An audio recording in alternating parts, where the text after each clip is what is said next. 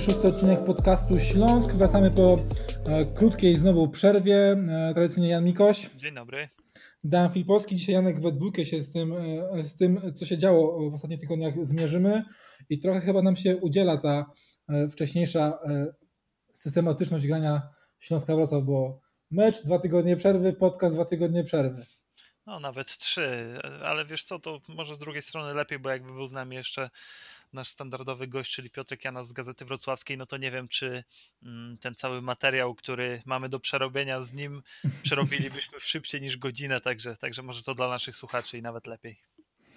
Dokładnie. Janek, to pozwolę Ci wybrać, od czego zaczniemy. Czy jedziemy od ostatniego meczu z Rakowem, czy jakaś dłuższa e, e, retrospektywa z twojej, z twojej strony? Nie no, myślę, że od, od Rakowa możemy zacząć. E, mam nadzieję, że jesteś doskonale przygotowany i nie pominiesz żadnego z wątków, także jak zwykle Ci ufam w pełni. No, zaczniemy od, od początku, bo trosz, troszeczkę zmian. To był mecz myślałem, żeby powiedzieć kluczowe, no nie był kluczowy w żadnym, w żadnym kontekście, bo to było jedno tak naprawdę kolejne, kolejne spotkanie, przed, przed Śląskiem jeszcze trochę ich będzie, ale był bardzo istotny, bo e, spotkaliśmy się z drużyną, no, z, wtedy liderem Ekstraklasy, drużyną, która e, zbiera bardzo dużo e, pochwał za swoją grę, ale też tak z tyłu głowy ja osobiście miałem, że drużyną, która powinna Śląskowi pasować i o ile Śląsk nie popełni E, kardynalnych błędów, choć taki też się jeden zdarzył w drugiej połowie, e, to może być, może być i ciekawy mecz, i e, po prostu trzy punkty na koncie. Było jedno i drugie, szczególnie gdy pamiętam mecz pod Beskidziem Bielska-Biała, który próbuję z pamięci jakoś wymazać. Na szczęście wtedy też, też zwycięski. Czy, czego ty się obawiałeś przed tym meczem i co, jakie wnioski po tym spotkaniu E, przypomnijmy debiut e, w pierwszym składzie Patryka Janasika i debiut Michała Szumnika. I można chyba śmiało powiedzieć, że oba, oba mecze na plus. Oczywiście e, o wiele większy plus po stronie golkipera Wrocławia niż po stronie prawego obrońcy, ale tak czy siak dwa pozytywne na pewno występy obu zawodników. Wiesz co, no ja spodziewałem się na pewno tego, że Śląsk Wrocław nie przegra tego meczu. Jakoś e, drużyna względem poprzedniego sezonu się nie zmieniła, a wydawało mi się, że to będzie podobny mecz do tego z poprzedniego sezonu z Wisłą Płock, która to Wisła Płock wówczas przyjeżdżała również jako lider, taki raczej niespodziewany, pewnie jeszcze bardziej niespodziewany niż Raków w obecnym sezonie, ale jakoś tak wiedziałem, że presja wyniku bardziej będzie po stronie Rakowa, który, mm, na którego postawę liczyli czy to eksperci, czy kibice, e, że ten Raków powinien jednak e, na tle w ostatnich meczach niejakiego Śląska Wrocław raczej zapunktować i to za trzy punkty, a nie za jeden, więc ja czułem właśnie, że znając już naszą ekstraklasę nie od dzisiaj i specyfikę też e, gry Śląska Wrocław w ostatnich dwóch sezonach, no to raczej byłem spokojny jadąc na to spotkanie. Oczywiście, można powiedzieć, że mogłoby się to nie potwierdzić, gdyby tam Iwi Lopez troszeczkę lepiej przycelował i zamiast w słupek trafił do bramki, ale przebieg spotkania był dokładnie tak, jaki się można było spodziewać, a więc to Raków raczej prowadził grę, jeśli chodzi o jakość y, w środku pola i organizację w środku pola. Oni potrafili sobie tamto miejsce lepiej wygrać, y, wygrywali pojedynki, byli skuteczniejsi, szybsi w wymienianiu piłki i lepiej to wyglądało. No ale zadecydował, zadecydował jeden błąd, y, taki kluczowy, właśnie o którym wspomniałeś, Jakuba Szumskiego. E, takiego błędu drużyna Śląska nie popełniła, więc y, dlatego, dlatego ten mecz skończył się nie remisem, a zwycięstwem wrocławskiej drużyny. Mhm. E, mówiąc, mając na myśli błąd, to raczej chodziło mi o, o zachowanie Marka e, Tamasza z, z tej drugiej połowy, bo tam był taki jednego taki już, można powiedzieć, stały punkt programu. On często, często już regularnie takie, takie machnięcia czy minięcia e, notuje. Na szczęście tam, e, z tego co pamiętam, bodajże Izrael Puerto naprawił ten, ten, ten błąd. E, no właśnie, mieliśmy tutaj powrót do tego ustawienia środka obrony, czyli Izrael Puerto, Mark Tamasz, który chyba będzie takim stałym teraz pod nieobecność Wojciecha Goli zestawieniem, znając historię decyzji trenera Lawiczki, ale tu chciałbym właśnie przy węgierskim obrońcy na chwilę się zatrzymać. czy ty nie masz wrażenia, że to jest zawodnik, po którym na pewno spodziewaliśmy się więcej i Śląsk mimo wszystko powinien szukać wzmocnienia, jeżeli taka okazja się nadarzy w zimie na tej pozycji. Czy twoim zdaniem Mark Namasz spełnia rolę tego takiego backupu na ten środek obrony i można śmiało powiedzieć, że Śląsk nie ma w tym miejscu problemu, biorąc pod uwagę no, tą historię kontuzji, historię kontuzji Wojciecha Golli, już kolejny uraz Isla Puerto, który, który tam w meczu z, z Podbyskiem chociażby z tego powodu, czy jednak to jest jednak zbyt duże szukanie na siłę problemów z mojej nie, strony. no moim zdaniem troszeczkę y, na siłę. Jeśli, zgadzam się o tyle, jeśli nadarzyłaby się okazja, bo takiego zwrotu użyłeś, y, czyli ściągnięcie zawodnika o określonej klasie i też nie jakoś z niezbyt wygórowanymi żądaniami finansowymi, no to jak najbardziej tak, no bo wiemy jak wygląda sytuacja na, śro na środku. Jeszcze nawiązując do tego, o co wcześniej pytałeś, no zupełnie mnie nie dziwi, e, też chyba o tym, myślę, że tam wszyscy się zgadzaliśmy, e, że po, po kontuzji Wojciecha Goldi, no to w zasadzie ten środek obrony będzie zabetonowany przez ten duet, no bo po prostu kadra śląska wygląda tak, a nie inaczej. No wiemy, że e, już jest szansa na to, że w zimie jednak zostanie zrzucony ten kontrakt Diego Żywulicia, więc może troszeczkę finansów się znajdzie e, na kontrakt dla innego zawodnika. Także, także na pewno nie wykluczamy, nie wykluczam tam e, jakichś wzmocnień. Myślę, że doskonale to widzi sztab, doskonale widzi to dyrektor sportowy e, i tam na pewno będą trwały poszukiwania. Co do formy Marka Tamasza i ogólnie jego pobytu w Śląsku Wrocław, no to nie, to ja muszę ci powiedzieć, że to miał być solidny obrońca, ja się po nim nie spodziewałem fajerwerków. Fajne jest to, że ma tą wiodącą lewą nogę, co czasami naprawdę pomaga przy wyprowadzeniu piłki. Nie jest to na pewno jakiś wirtuos wyprowadzenia piłki, ale też e, trzeba oddać, że niezbyt często Śląsk dąży też do tego wyprowadzenia piłki od tyłu, więc e, tam masz raz, że mm, nie musi się tam wykazywać i przez to e, nie do końca znamy jego, jego też potencjał, że tak powiem, na tym terenie, na tym gruncie.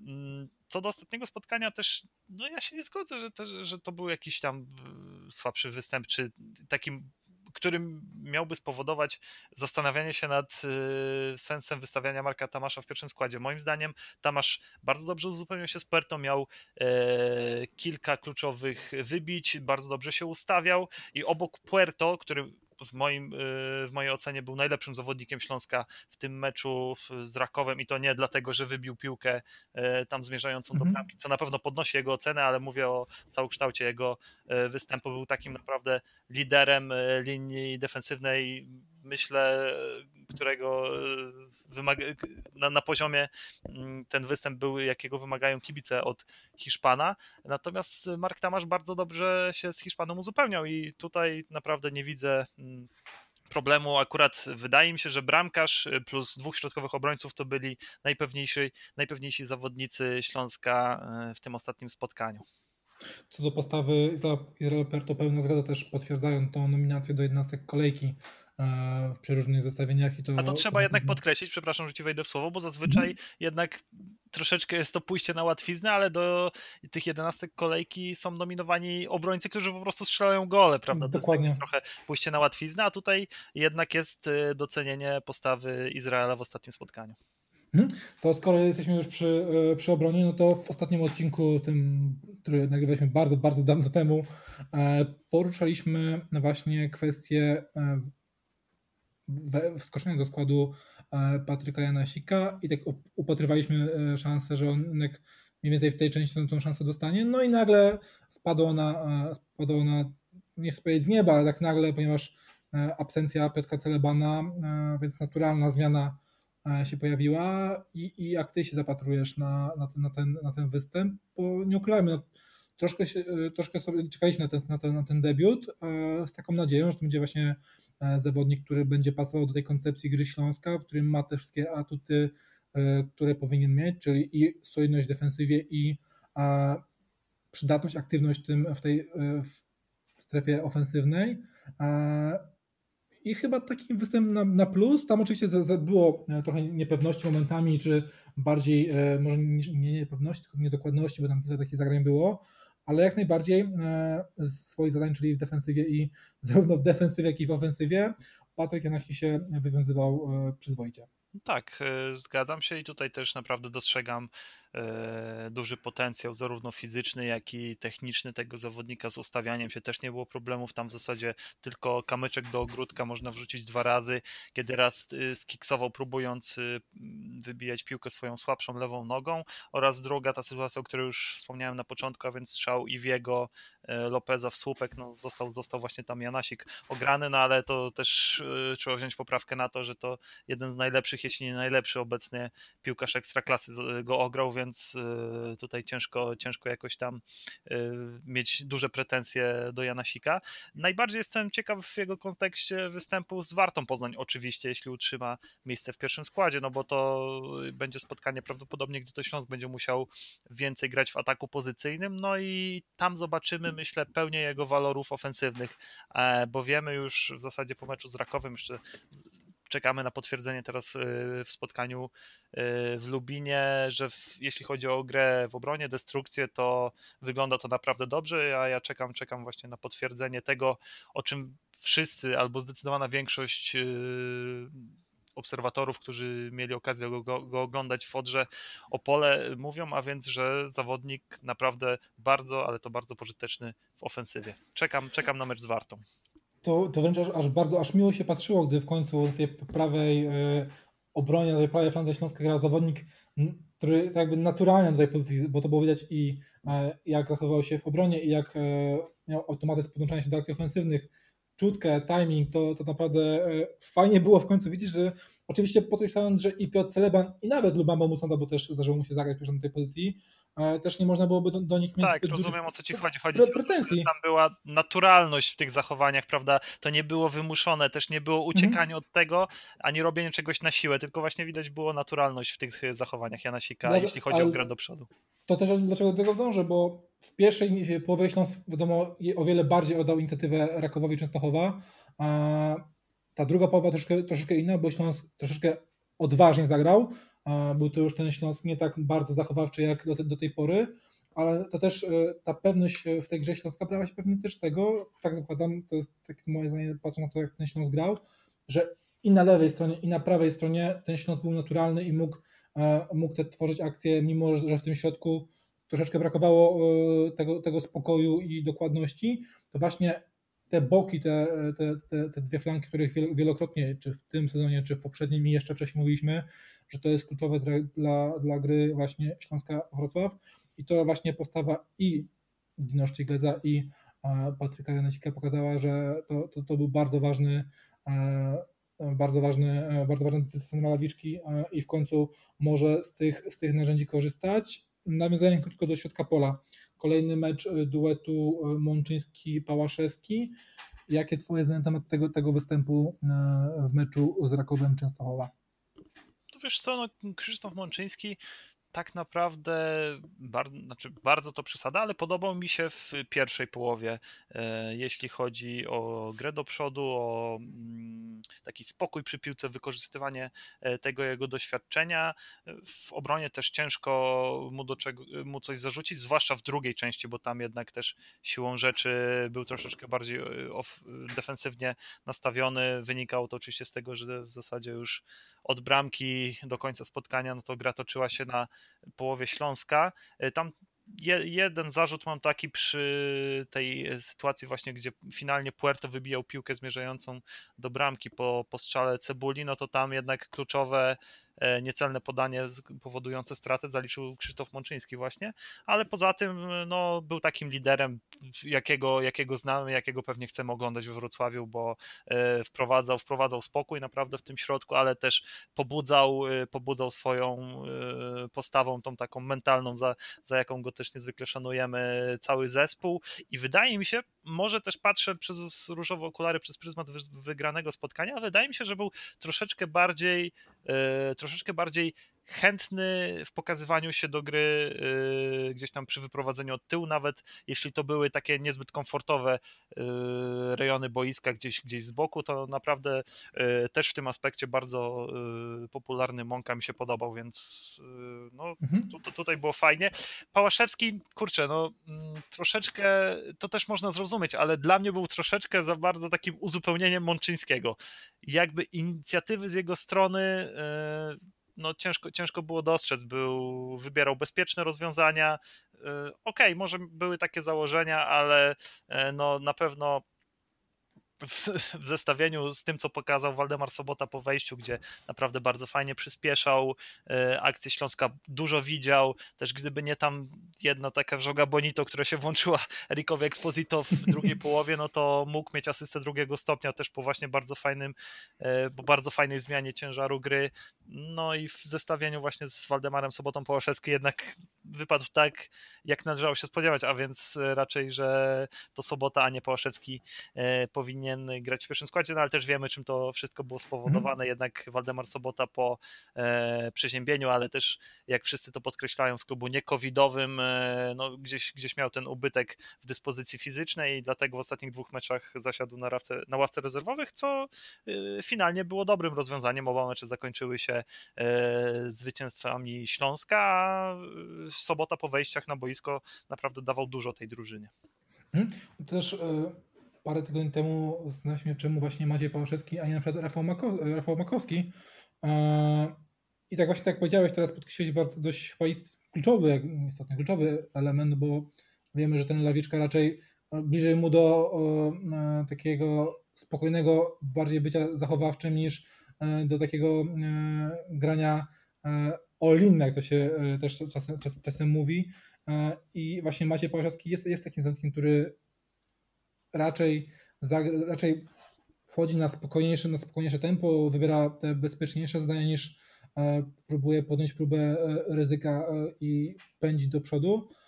I to jest chyba ten kluczowy, kluczowy argument, dlaczego to właśnie w tych meczach, gdzie wiedzieliśmy, że Waldemar Sobota będzie raczej zawodnikiem wchodzącym z ławki poprzez te właśnie braki, braki kondycyjne czy gorszą dyspozycję fizyczną, że to właśnie Maciej Pałaszewski, a nie Rafał Makowski. Nie no, dla mnie to jest, jeśli mam być szczery, tak teraz jeszcze myślałem, e, jak się produkowałeś nad tym, ale to jest chyba e, naprawdę no, dla mnie największe zaskoczenie sezonu. Maciej Połaszewski wychodzący w pierwszym składzie Śląska Wrocław no, w sierpniu czy też w lipcu byłoby to dla mnie no, nie do pomyślenia. Rezerwy to...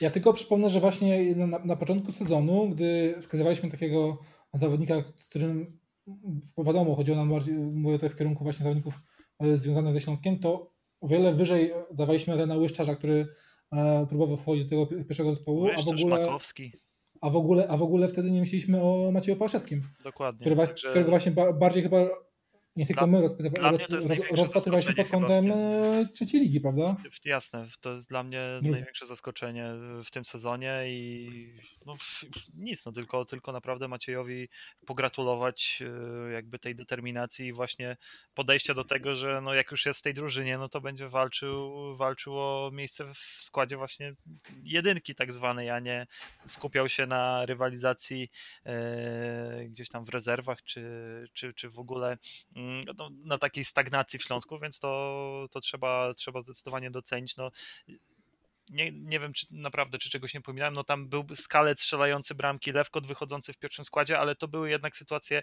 spowodowane stricte przez covid a, a tutaj no po prostu Pałaszewski e, wychodzi zamiast Soboty. Oczywiście wiemy, że podstawowy duet no to jest Mączyński, Sobota, ale trener jednak nie zawahał się, e, no bo gdyby Pałaszewski odpowiedniego poziomu na treningach czy w meczach nie prezentował, no to pewnie grałby Sobota, mimo tego, że jest troszeczkę słabszy fizycznie obecnie i by schodził gdzieś koło nie wiem, 60-70 minuty.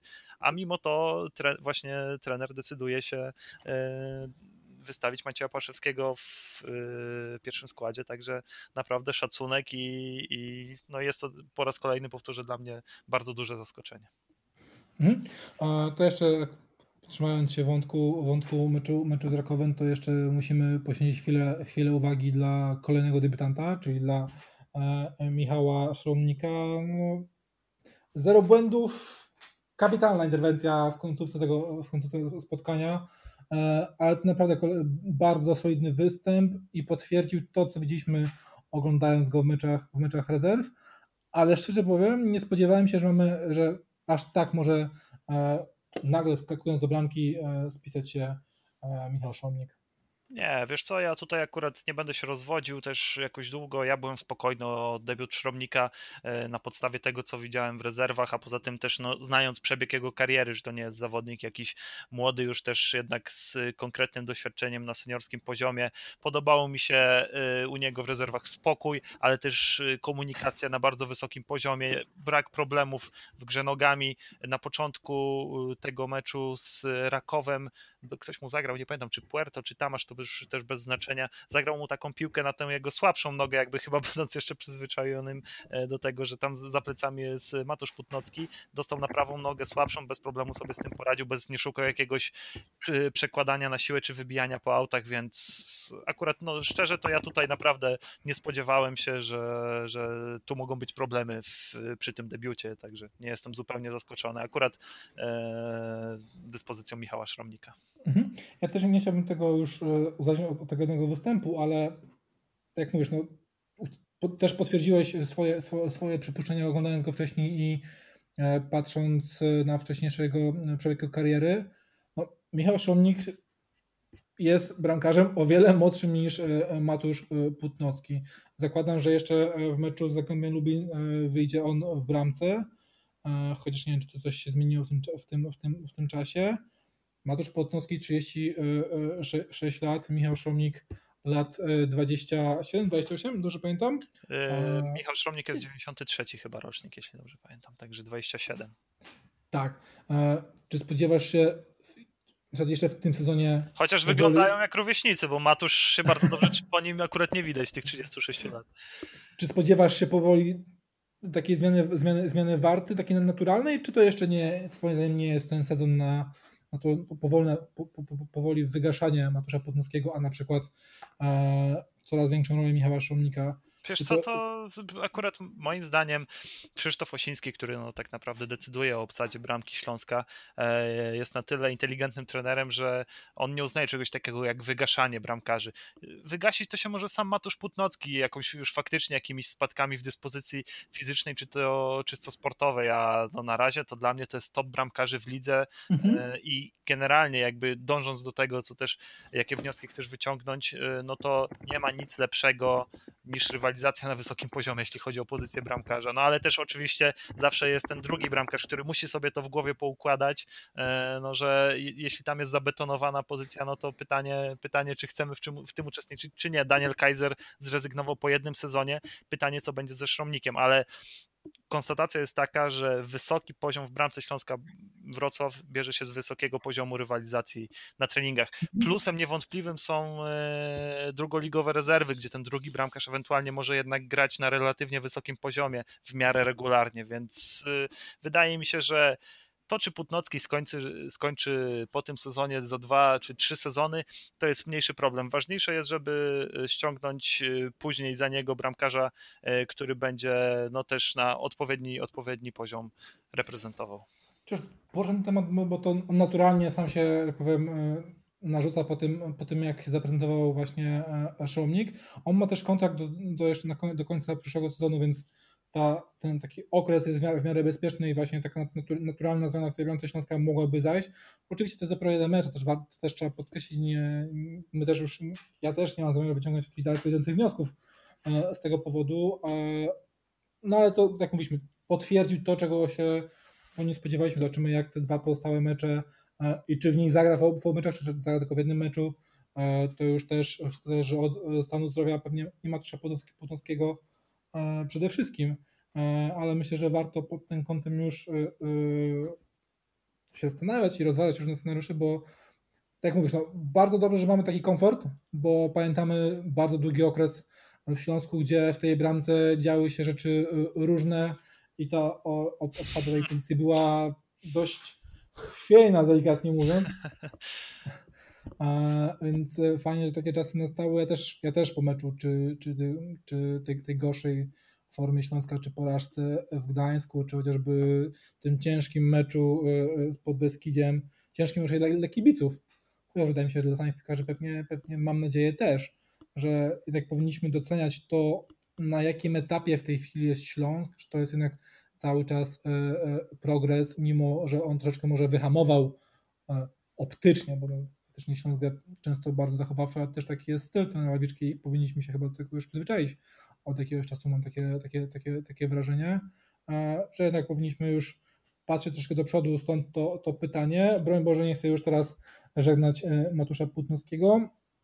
Też jeszcze mm, jeden plusik na pewno do Bartka Pawłowskiego, bo to był taki ten mecz z gatunków bardziej, do których Bartek Pawłowski przyzwyczaił już w swojej przygodzie obfitej, jeżeli chodzi o liczbę klubów e, w ekstra, ekstra, między innymi w Ekstraklasie, że kilka meczów słabszych i kilka meczów dobrych, kilka meczów słabszych, kilka meczów dobrych. Teraz pytanie, czy e, spodziewasz się, że to będzie ta seria meczów meczów e, lepszych, czy raczej, czy raczej no, dla Bartka Pawłowskiego mecz teraz z Zagłębiem Lubin, przed jego klubem w Ekstraklasie, na pewno będzie chciał się pokazać z dobrej strony. No kurczę, no z kim teraz jak nie z dwoma najbliższymi przeciwnikami Śląska Wrocław? Y, tak jak powiedziałeś, motywacja w pierwszym meczu jest oczywista, z tego klubu wyjeżdżał do Turcji, a z Wartą Poznań u siebie, no to te skrzydła będą musiały robić różnicę w momencie, mhm. kiedy Warta będzie grała defensywnie na, na swojej połowie, także jeśli, jeśli w tych dwóch y, spotkaniach y, Pawłowski nie zaprezentuje się, no przynajmniej tak jak w spotkaniu z Rakowem, no to hmm, raczej jego pozycja przed y, zimowymi przygotowaniami nie będzie zbyt mocna, to tak mówiąc bardzo delikatnie. Mhm. A spodziewasz się jakiejś większej właśnie rotacji w tych meczach na skrzydłach, czy raczej ten duet Pawłowski-Pich i w środku chyba jednak Michał e, e, to będzie Mateusz Praszalik. Mateusz to będzie ten to, to trio ofensywne chyba jednak pod Erikiem, Wiesz co, no, Erikiem Exposito. Oglądałem z naszym serdecznym przyjacielem Piotrkiem Janasem to spotkanie na stadionie z Rakowem i tak e, właśnie troszeczkę już się podśmie e, podśmiewaliśmy, że cykl, cykl życia młodzieżowca w Śląsku Wrocław w tym sezonie jest taki, że e, to oczywiście też co jest naturalne przez zbieżność pozycji, że wychodzi jeden, gra piach, koło tam 60, 70 wchodzi drugi na tę samą pozycję, coś tam fajnego robi, daje drużynie i jest zmiana. Później ten, co zagrał dobrze e, w końcówce, wychodzi w pierwszym i jest słabizna, także teraz prawdopodobnie, tak jak mówisz, Mateusz Praszelik, miejmy nadzieję, że jednak złamie e, ten trend niepokojący, no bo Zylla, w ogóle to też trzeba podkreślić, że z, la, kompletnie nieobecny. Lawiczka e, no nie robi zmian w przerwie, jeśli, jeśli nie musi, jeśli tam nie ma jakichś urazów, a Zylla zszedł już w 55 minucie, więc dostał naprawdę szybki zjazd do, do bazy i to no, każe myśleć, że naprawdę tam poziom niezadowolenia z jego gry był, był dosyć duży. No i tak jak, tak jak powiedziałeś, należy spodziewać się Mateusza Praszelika. Ja, nie, no Robert ja, jest ja. Ja, ja, ci, ja ci tylko przerwę, bo myślę, że taką właśnie zmianę, jak powiedziałeś w 50 minucie E, taka, taka lawiczkowa wędka można troszeczkę... 55 to była dokładnie, czyli dostał 10 minut z drugiej połowy, więc takie absolutne minimum, e, więc, więc no tam naprawdę raczej, raczej nie był trener z niego zadowolony. Pich, tak jak już zacząłem mówić, no to nie ma opcji, żeby nie wyszedł w pierwszym składzie. No i co? No i jedyne, jedyna kwestia, czy Waldemar Sobota już będzie się czuł na tyle dobrze, na tyle dobrze i mocno przepracuje ten bieżący tydzień, żeby wyjść w pierwszym składzie. Reszta, reszta myślę, że bez zmian. No, nie sądzę, żeby po takim występie e, Janasik e, miał usiąść na ławce, chociaż akurat przed spotkaniem z Zagłębiem Lubin jest to jeszcze o tyle mm, jakby jestem w stanie sobie to o tyle wyobrazić, że to jednak podejrzewam Zagłębie będzie troszeczkę miało wyższe posiadanie piłki, więc, więc możliwe, że Celeban usiądzie, chociaż z drugiej strony lepszym rozwiązaniem na tych piłkarzy, y, którymi Zagłębie dysponuje na pozycjach właśnie skrzydłowych, tudzież ofensywnych 10 i 9, wydaje mi się byłby, byłby jednak Patryk Janasik, no ale to zobaczymy. Mhm. No to naturalnie może jeszcze mamy chwilę, to przejdźmy do tego właśnie konkretnie już meczu z Zagłębiem. Wiadomo, derby rządzą się swoimi prawami. E, o to, tak, to, to, to, jest to. I, i, to szczególnie, i to szczególnie te derby. Szczególnie te derby na tym stadionie. E, tak ale tak już tak, tak no poważnie. E, no tutaj chyba nic specjalnego nie wymyślimy. No, to Zagłębie będzie prowadziło grę w tym, w tym, w tym meczu. I teraz pytanie, czy to z perspektywy postawy Śląska, zwłaszcza w meczu z Częstochowa i w, patrząc jeszcze pod kątem historii na mecz z Lechią Gdańsk, to dla Śląska dobrze, czy, czy, czy, czy nie? Ale co dobrze, czy nie? Przepraszam, bo tak nie do końca. Że to właśnie, że, że to właśnie zagramy, że zagramy teraz rywalem, który będzie e, nie tylko zmotywowany do tego, żeby e, zepnąć rywala lokalnego, ale też e, grającym przede wszystkim do, do, do przodu.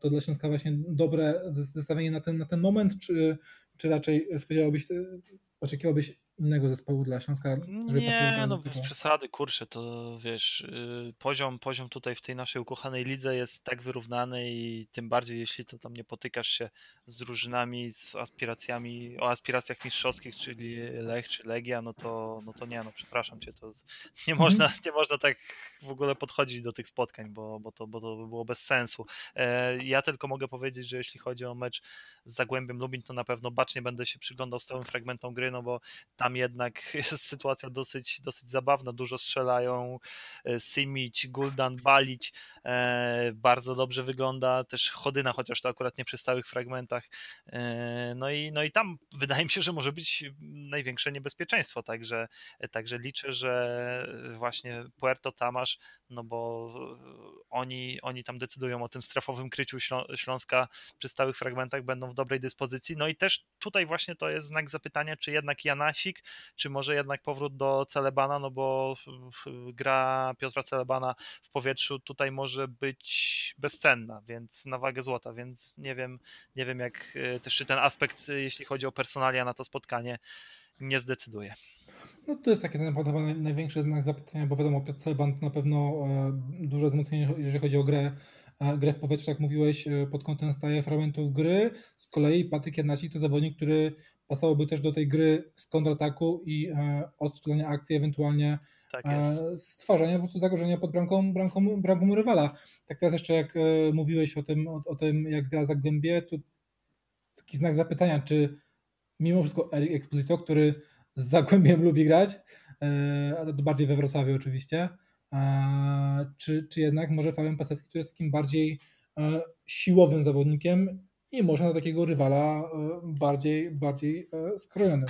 Nie wiesz co, akurat tak jak tutaj zwłaszcza Piotrek się lubował w krytykowaniu Erika, to akurat w ostatnim meczu też, właśnie po ostatnim meczu E, myślę, że byliśmy zgodni w tej kwestii, że Exposito miał dosyć taką niewdzięczną rolę, bo naprawdę tam wsparcie dla niego i jakość podań, które dostawał, no nie były jakieś mega, mega wygodne, mega na wysokim poziomie, a mimo to moim zdaniem akurat fajnie w tym utrzymywaniu się przy piłce uczestniczył, także jak dla mnie tutaj to nie ma mhm. jakiegoś większego znaku zapytania. Po tym, jak zaprezentował się w ostatnim spotkaniu, wychodzi również Exposito. Spodziewasz się, że Śląsk wyjdzie pewniejszy siebie do tego meczu, czy raczej, jeżeli chodzi o nastawienie, czyli taka bardziej zachowawczość, nie zmieni się, jeżeli chodzi o e, plan na ten mecz od strony trenera Lawiczki? Nie, zachowawczość zostanie, ale wydaje mi się, że może być taki kurczę bardziej energetyczny, bardziej na wyższym poziomie mentalnym niż na przykład w spotkaniu w Gdańsku, gdzie to spotkanie się fajnie ułożyło, no ale właśnie jakby kurczę, zabrakło, zabrakło takiego ognia w grze i te bramki, myślę, że każdy z piłkarzy by się Śląska z tym zgodził, że wpadały zdecydowanie zbyt łatwo, to tutaj wydaje mi się, że jednak będą pięterka, a może nawet dwa wyżej, jeśli chodzi o sferę mentalną, także, y, także jestem takim umiarkowanym optymistą przed tym niezbyt dalekim wyjazdem do pięknego miasta Lubin. Dokładnie. To jeszcze jedna rzecz mi się przypomniała tak już absolutnie na koniec. Y, oglądałeś mecz z Lekią y, z odtworzenia, bo nie, nie miałeś okazji oglądać na żywo. Jak zareagowałeś na te zmiany, które zrobił w jednym momencie ten Lawiczka? No, wiesz co, to zawsze jak się widzi tego typu roszady, no to tak jest takie delikatne takie what? Ale tutaj, no co, no wiesz co, z jednej strony, z jednej strony jak najbardziej da się, da się jakoś tam e, w miarę sensownie uargumentować, natomiast wiesz, tak trzy zmiany naraz, no, no co ci mam powiedzieć. E, Bo powiem ci, że ja, ja, ja na chwilę straciłem, straciłem uwagę, e, chyba telefon zadzwonił, tak później zajęło mi chwilę, żeby uświadomić sobie, że ten Lawiczka zrobił tak dużo zmian w tak w, w jednym momencie, a to raczej z tego raczej nie sunie. E, i raczej e, potem się ciężko było po nim spodziewać, ale... No, ale też tu, tu mówię, no tak jak popatrzymy sobie na personalia, tam każdą z tych zmian jakby da się, da się obronić, więc no nie byłem jakoś tam mega zaskoczony, tym bardziej, no nie wiem, jakby tam były na przykład trzy w jednym momencie w przerwie, no tak, no to jak na, jak na Czecha, to wtedy bym, bym był zaskoczony, tym bardziej, że wtedy akurat się sprowadził e, przecież do przerwy 1 do 0, więc no, to w ogóle by było bez sensu, ale e, no nie, no to zdarzają się takie sytuacje. Okej, i tu postawmy na takim razie kropkę. Myślę, że możemy powiedzieć, że do, do usłyszenia w przyszłym tygodniu, bo to myślę, że będzie co analizować po tym meczu, po tym meczu derbowym, bo jak wiemy, derby rządzą się swoimi prawami, już drugi raz to, drugi raz to powiedziałem. Eee, co, na dzisiaj to wszystko. Jan Mikoś, Dziękuję bardzo. Dan Filipowski i obyśmy słyszeli się w przyszłym tygodniu, a jak nie, to na pewno jeszcze w tym roku się usłyszymy e, na pewno w odcinku podsumowującym cały ten przedziwny rok e, 2020. E, Na szczęście myślę, że możemy już teraz powiedzieć, że dobry w wykonaniu Śląska Wrocław. Jak najbardziej się zgadzam. Dziękujemy bardzo jeszcze raz i do usłyszenia.